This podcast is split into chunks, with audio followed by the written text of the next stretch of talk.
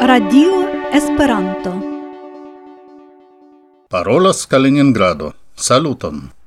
La unuan vintran dimanĉon la sesan de decembro, el la Kaliningrada studio de Radio Esperanto, vin de novo salutas Aleksandr Kroženkov kaj Halina Gorecka. Efektive, quancam la transfenestra peisaggio estas tuta autunezza, cae la extera temperaturo restas circa 10 Celsiae gradoi, la calendaro montras che vintro comencigis. Nu, por ni ambo kiwi nascigis cae pasigis plei parton da vivo en la nord-occidenta Azio, la Kaliningrada vintro neniam vere vintras, cae nin ege amusas locai de nasculoi, kiwi parolante pre la vatero facila nima diras – Ba, minus quin gradoj ĉi tie estas pli terure ol minus quardec en via Siberio. Kaj jenia demando, ciu vere, Cae ciam vi lastatempe estis en Siberio vintre, Sequas la cutima responda. Ni neniam estis en tiu ace Siberio. Mi scivolas, kiel li taxus la novjarfeston en la jam malproksima jaro 1979, ciam la aer temperaturo en la urba tiumeno, ciam mi tiam loĝas, sinkis gis la recordai minus quindec tri Celsiei gradoi, cae ni, esperantistoi, postium de piedirado tamen convenis ocasa de la tradizia noviar festa rencontigio Lazura Taigo en logeio de tiumena esperantistino. Tio ocasis antau tridec sep jaroi, ciam mi estis dudec jara studento. Ciu nun mi riscus mai min al tia frostego, Minus cias. Cetera Cetere nun ancon Siberio la vetero pli varmigis, ca ec kvardek gradai frostoi estes maloftajo. Do, la unuan vintran dimancion de la du mil de iaro, ni reaperas anto vi por alparole vin je la tri fojo. quina foio. Bonvolu pardoni la son qualiton. Dum la laboro pri la tri de podcasto, paneis nia chef mikrofono, kaj ni de nove, same kiel pasint foje, uzas la primitivan mikrofonon de nia por Skype kamerao. En la hodiaŭa programo vi aŭdos tute convena el la nuna sezono, vintran poemon en la plenumo de Alina, Esperanto novaĵojn, prezenton de la decembra kajero de la ondo de Esperanto, kaj en la fino de la programo, Esperantan version de unu el la plej popularaj canto en la historio de la homaro sed nun mi donas la mikrofonon al Halina, kiu post nia kutima interprogramera muzikaĵeto prezentos al vi la versaĵon Vintro de Hilda Drezen. Bonan auskultadon!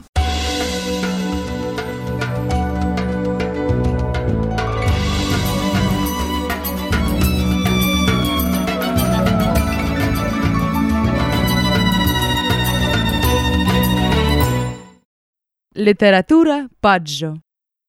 Hilda Dresen, vintro.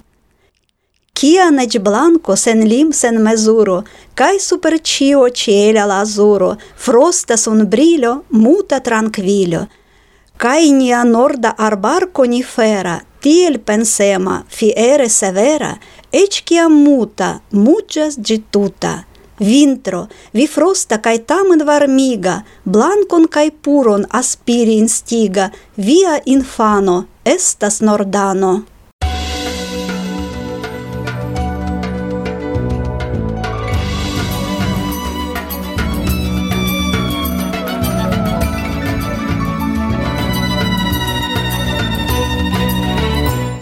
Esperanto novaĵoj.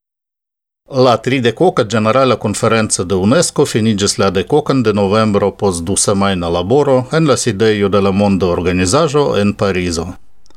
Por la esperantistoj, la plej ĝuiga decido de la generala konferenco estas la invicigo de la centa datreveno de la morto de Zamenhof, tio estas la de kvaran de aprilo 2017 inter quindec trida trevenoi, cun kiui UNESCO estas asociita en la periodo 2016-2017. Propono pri tio estis farita de Pollando cun subteno de Germanio kaj Slovakio. la chef ministro de Litova Respubliko Algirdas Butkevičius consentis esti alta protectanto de la kvindec duoe Baltie Esperanto tagoj kiu okazas la duan dekan de julio 2016 en Birštonas, Litovio. Ni memorigas che antu dec jaroi kiel prezidanto de la Parlamento Comitato pri Budgeto cae Finanzoi cae kiel financministro Butkevicius partoprenis en disponigo de grava registara finanza helpo por la organizado de la Naudeca Universala congresso de Esperanto, kiu okazis en Vilno somere de la 2000 quina jaro. La decunuan dectrien de novembro okazis en la itala urbo Perugia la quardec sepa conferenzo de la Asocio de Lingvo Testisto en Europo Alte, kies institucia membro por Esperanto estas UEA. Jofia Korod, membro de la Commissiono de UA pri la ekzamenoj laŭ la Comuna Europa Referenz Cadro, KER, representis UA en la conferenzo. Tri reprezentantoj de UA, Nicole Margot, Alain Favre kaj Stefano Keller, aktivis en la oka sesio de la minoritata forumo de Unuiĝintaj Nacioj, okazinte en Ĝenevo la dudekvaran dudekkvinon de novembro kun la ĉeftemo minoritatoj kaj la krimjura sistemo. Lau interkonsento kun l'estraro de UEA, la nuna redaktoro de la revuo Esperanto Fabricio Valna finos sian laboron en tiu posteno per la aprila numero de la sekva jara jarkolekto. Tiel UA invitas candidatidjoin por transpreni la redaktadon de la revuo ec de la maia numero. Tio signifas eklabori jam komence de aprilo 2016.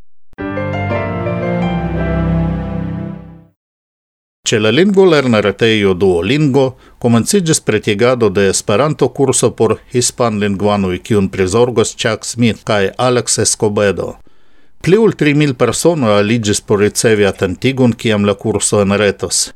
Intertempe jam ducent de quin mil personoj eklernis Esperanton ĉe Duolingo curso por anglalingvanoj. kun subteno de la locae autoritatoi ec de la dudek sepa de octobro gis la 7 de novembro en la urbodomo de Lausano, Svislando, funcis expozicio La fenomeno Esperanto organizita de Lausana Esperanto Societo. La dekduan de novembro en la deka numero de la nova semain gazeto Savaj Traŝtis el eldonata en Kaunu, Litovio, Aperis du paĝi intervjuo kun la prezidanto de Litova Esperanto-Asocio Povilas Jegorovas. La ampleksan intervjuon garnas prezento de Zamenhof kaj artikoleto pri Veronika Konan, ki antaŭ nelonge kantis en Esperanto en la televida programo X Factorius. La Amerika Komisiono de UEA en interconsento kun Colombia Esperanto Ligo decidis okazigi la nauan tut-amerikan de Esperanto en julio 2016 en Bogoto kun la ĉeftemo Cultura de paco, latinamerika Integrigio kaj ekosistemoj.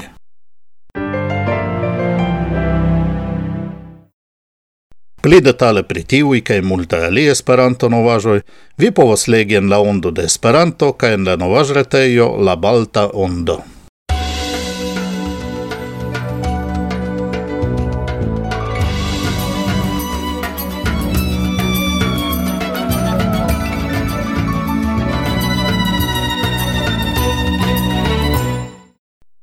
antaŭ du semainoi mi helpe de nia filio Alexei descendis el Kaŭno la decembran kajeron de la Ondo de Esperanto kaj per tio ni fermis la abonjaron 2015. Jam multaj abonantoj ricevis kaj tralegis ĉi tiun kajeron kaj el tiuj, kiuj ankoraŭ ne abonas nian revuon, mi koncize prezentas la lastan ĉijaran ondon malfermas gin la texto cun la titolo Unu mil articoloi, verkita de nia redaktoro okaze de la apero de la unua milo da articoloi en nia novaĵa retejo La Balta Ondo. En citiu presento vi povas konatiĝi interalie kun la listo de la dudek kvin plej popularaj artikoloj el citiu milo kaj kun la listo de la landoj kie oni plej multe vizitas nian retejon. Sekvas kvin pagioj de la primovada sekcio eventoj kun informoj pri vivo esperantista en Japanio, Ĉinio, Brazilo kaj pluraj eŭropaj landoj. Kun iuj el ili vi konatiĝis en la ĵusaj Esperanto-novaĵoj, pri pliaj aliaj legu en la revuo. En la sekcio Tribuno estas du atentindaj artikoloj. Nia konstanta kolumnisto David Abjago – En la rubrico Vide el Bruselo ci foie dedice sian monatan commentarion alla decido de Catalonio sen dependige en 2017 cae alla lingua situatio situacio en tiu ci nuna provinco de Hispania Regiolando. La dua texto estas la plei amplexa en la decembra ondo – cae gia autoro Reinhard Haupenthal donis al ĝi la titolon, kiu diras pri kio temas: consideroi pri completa bibliografio de la vercaro de Lazar Markovic Zamenhof. Efective, estas honto, che sojle de la cent quindexesa nascic dat reveno de la autoro de Esperanto neniu, tute neniu compilis la liston de ciui libroi verkitaj kaj tradukitaj de la aŭtoro de Esperanto. En la sekcio arkivo nia redaktoro, ĉu vi memoras ke la ondon redaktas Aleksandr Karženkov, finas sian prezentadon de la dek plej famaj gvidantoj de la Esperanto-movado – La lasta en la listo estas Ivo Lapenna, la konstruinto de la moderna UEA. La texton garnas articolo de la penna e la 1937 jaro. Alia ciclo, kiu finigis en decembro, estas multe pli longa. La unua ero de mia ciclo, pagioi e la historio de la succena lando aperis en la ondo antau dec jaroi. Kai nun aperis la lasta, la dudec dua pagio, dedicita alla evoluo de la Kaliningrada regiono en la periodo post la disfalo de Sovetunio kai tiu evento, ne la disfalo de Sovetunio, sed la fino de mia ciclo, donis la ideon por la covropaggio, Sur ĝi videblas la insulo de Cantiu, kun la exa catedralo sur ĝi, fotita de mi antau kelkaj iaroi. En la kultura sekcio elstaras la recenzo de Sten Johansson, kiun li verkis pri la monumenta historio de la Esperanta literaturo de Carlo Minaia kai Giorgio Silfer – kai l'articolo de Grigori Arosiv pri Rudyard Kipling, kies cent quindec jaran dat revenon oni festos fine de decembro. Dauras la abonkampanjo por 2016. La ondo de Esperanto estas abonebla en la tradicia papera formo kontraŭ kvardek du euroi por la tuta jaro kaj kontraŭ dudek unu eŭroj por jarduono – Ni proponas rabaton por ex-sovetiai, orient-europai, africai, sud-americai, kaj kelkai aziaj landoi. La elektronika jar abono por la tuta jaro kostas nur dec quin euroin. La adreson de la retejo kun informo pri la pag ebleco vi trovas en la presento teksto de citiu son programo, kaj en nia novaĵa retejo sezonoi.ru.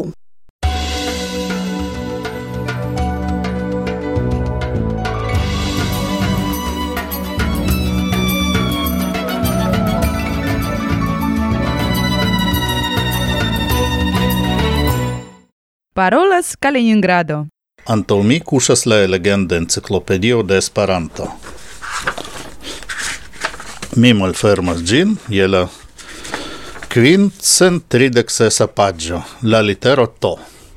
La duo artikoleto estas Tago de la libro. Ĝin verkis Ivan Ŝeriaev.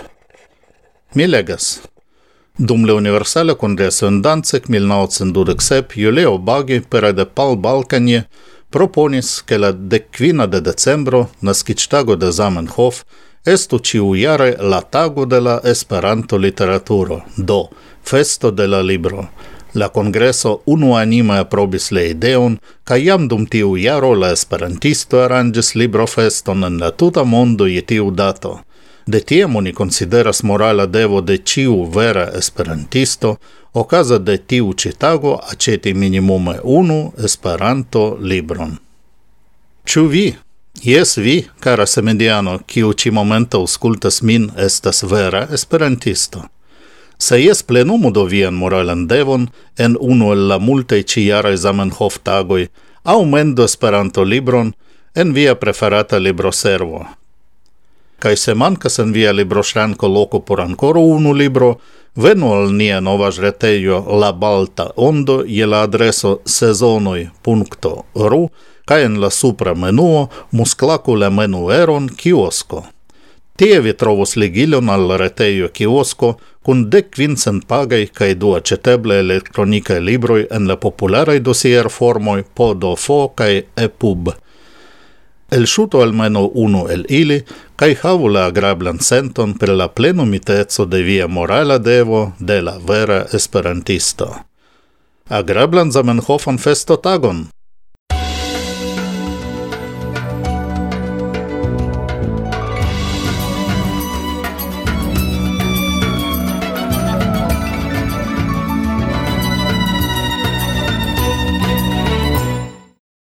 Ni revenas al la kutimo fini nian sonprogramon per canzono en Esperanto. Kiel mi aludis en la enkonduko, temas pri unu el la plej popularaj kantoj en la historio de l homaro. La ruslanda muzikkolektanto Aleksej Bočarov prezentis en sia retejo Večni šlager, la eterna šlagro, informojn pri pli ol unu mil registraĵoj de ĉi tiu kanzono, kiun li havas en sia kolekto. Kaj certe li posedas ne ĉiujn versiojn. Ĉu vi ankoraŭ ne divenas pri kio kanzono temas? No, jen estas kelkaj sugestoj. Ĉi tiu kanto post kelkaj monatoj iĝos sepdek kvin jara. Ĝi konsistas nur el tri kvarversaj strofoj. Ĝia muzika ĝenro estas bolero. Ĝi estas originale hispanlingva, sed verŝajne ĝi ekzistas ankaŭ en via nacia lingvo. Temas pri amo, eĉ pli, pri kisado. Gin verkis dexes jara mexicanino, cae lau sia propria confeso, je la tempo del vercado si ancora neniam estis spertinta am kison. Yes, temas pre la legenda canto Besame Mucho de Consuelo Velázquez Torres, cae nun gian esperantan version kisum in multe, el si albumo mirindajo presentos al vi le itala canzonisto Manuel. Gis reaudo!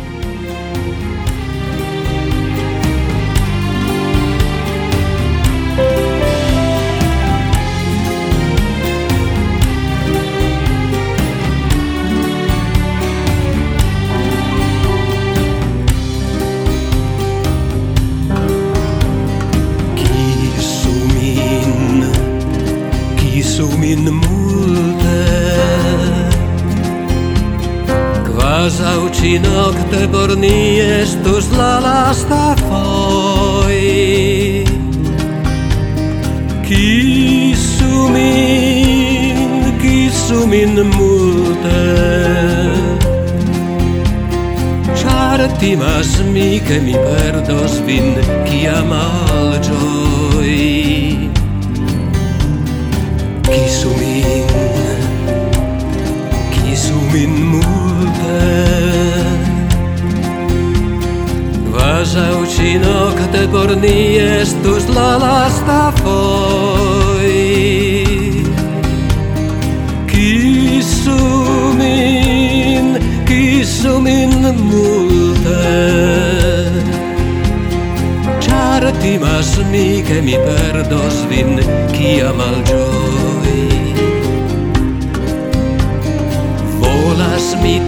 vin stricte en via oculoi nun speguligi. Pensu che morgau mi estos ie cisama horo lontana de vi. Kisu min, kisu min multe.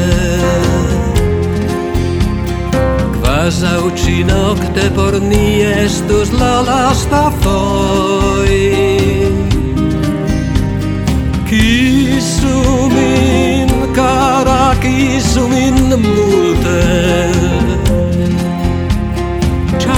timas mi che mi perdos vin, amal malgioia.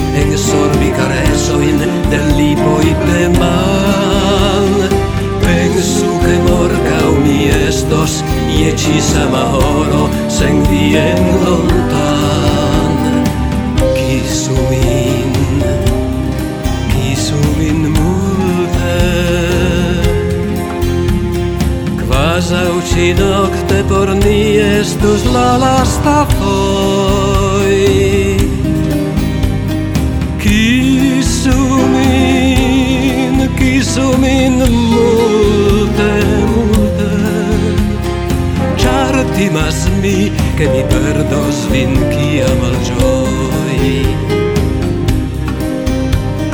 Char timas mi, che mi perdos vin kia malgioi Char timas mi, che mi perdos vin kia malgioi